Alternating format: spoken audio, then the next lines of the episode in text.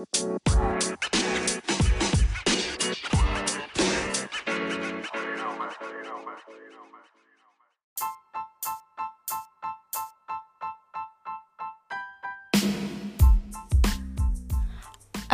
warahmatullahi wabarakatuh. Halo, apa kaps teman-teman? Oke, sesuai dengan judulnya, kali ini saya ingin bercerita tentang kerja versus ngajar. Ding ding ding ding. ding. Oke. Untuk kerja. Jadi boleh cerita flashbacknya dulu. Saya itu lulusan dari SMA Negeri 2 Tangerang.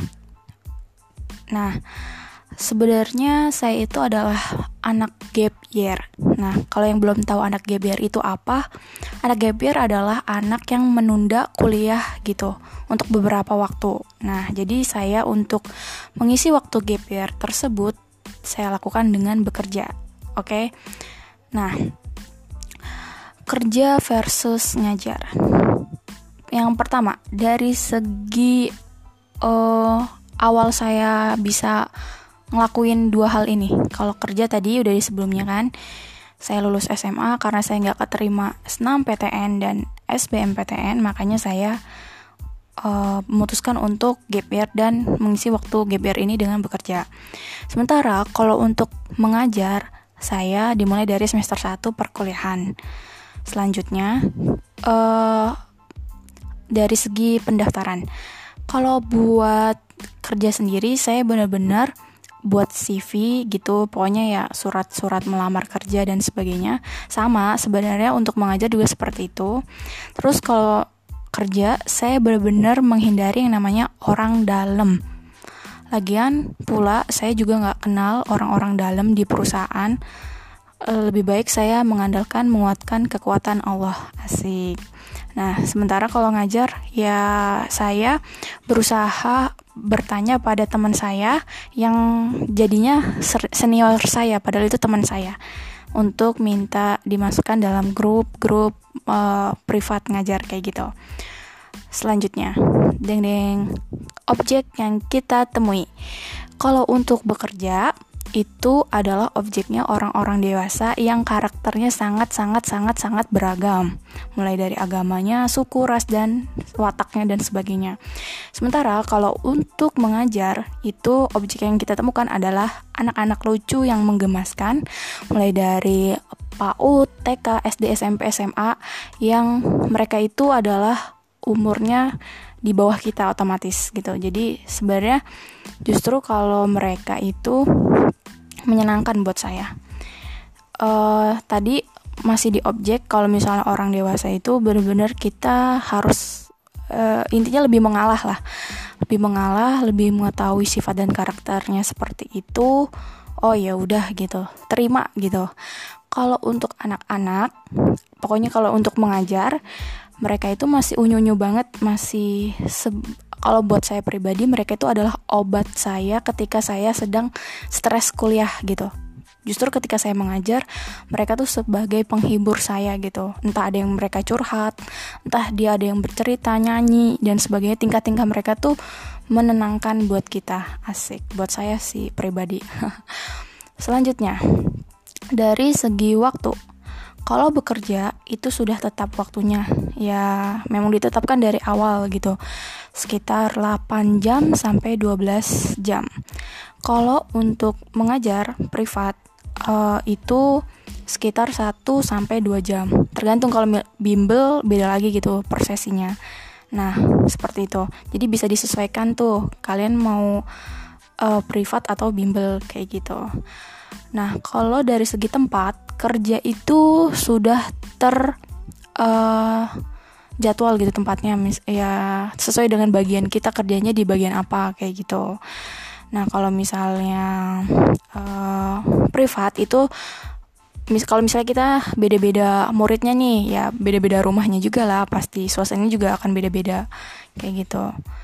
Terus dari segi apa lagi dari segi waktu udah nah kalau dari segi ini pembayaran atau gaji atau fee uh, kalau untuk kerja itu ya UMR, UMK atau apalah sebutannya kayak gitu. kalau misalnya ngajar itu persesinya berapa gitu.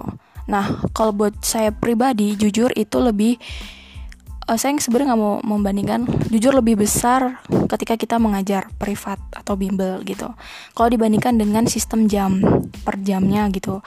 Jauh banget bisa 10 kali lipatnya lah. 10 kali lipatnya ketika kalau misalnya kita rutin misalnya kita ngajar privat 8 jam itu 10 kali lipatnya uh, pembayaran kita saat kayak kerja gitu.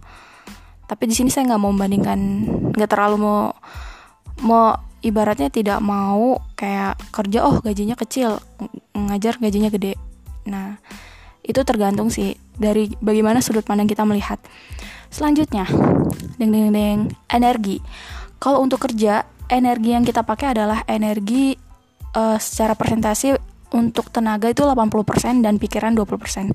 Kenapa? Karena kita benar-benar dituntut kayak kita harus tetap fresh gitu. Kita harus tetap uh, stay gitu, on gitu. Pokoknya harus tenaga itu harus tercukupi gitu.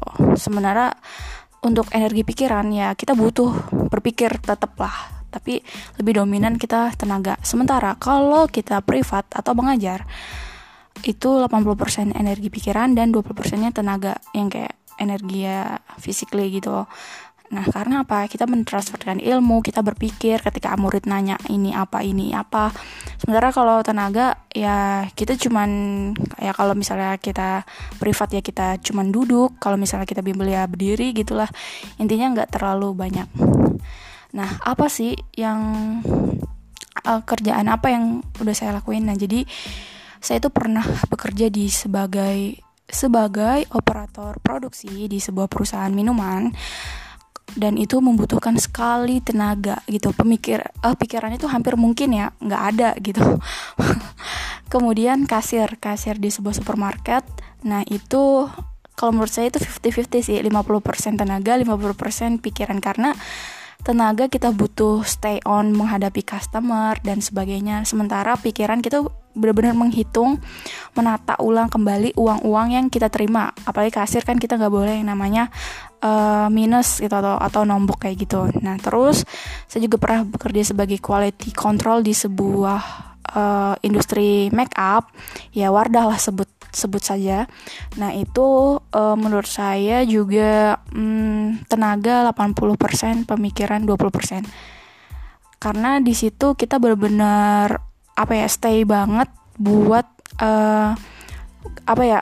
kinetik kita itu benar-benar berperan gitu di setiap mesin per mesin kita mengamati apakah barang ini atau benda ini mengalami cacat atau tidak seperti itu kemudian admin di sebuah perusahaan Jepang nah itu di saya hmm, itu juga 50% 50% menghadapi energi positif dan pikiran karena 50 persennya kita benar-benar kayak mengetik, mencatat dan sebagainya. 50 persen lagi kita benar-benar menyusun apakah ini sudah tepat atau belum.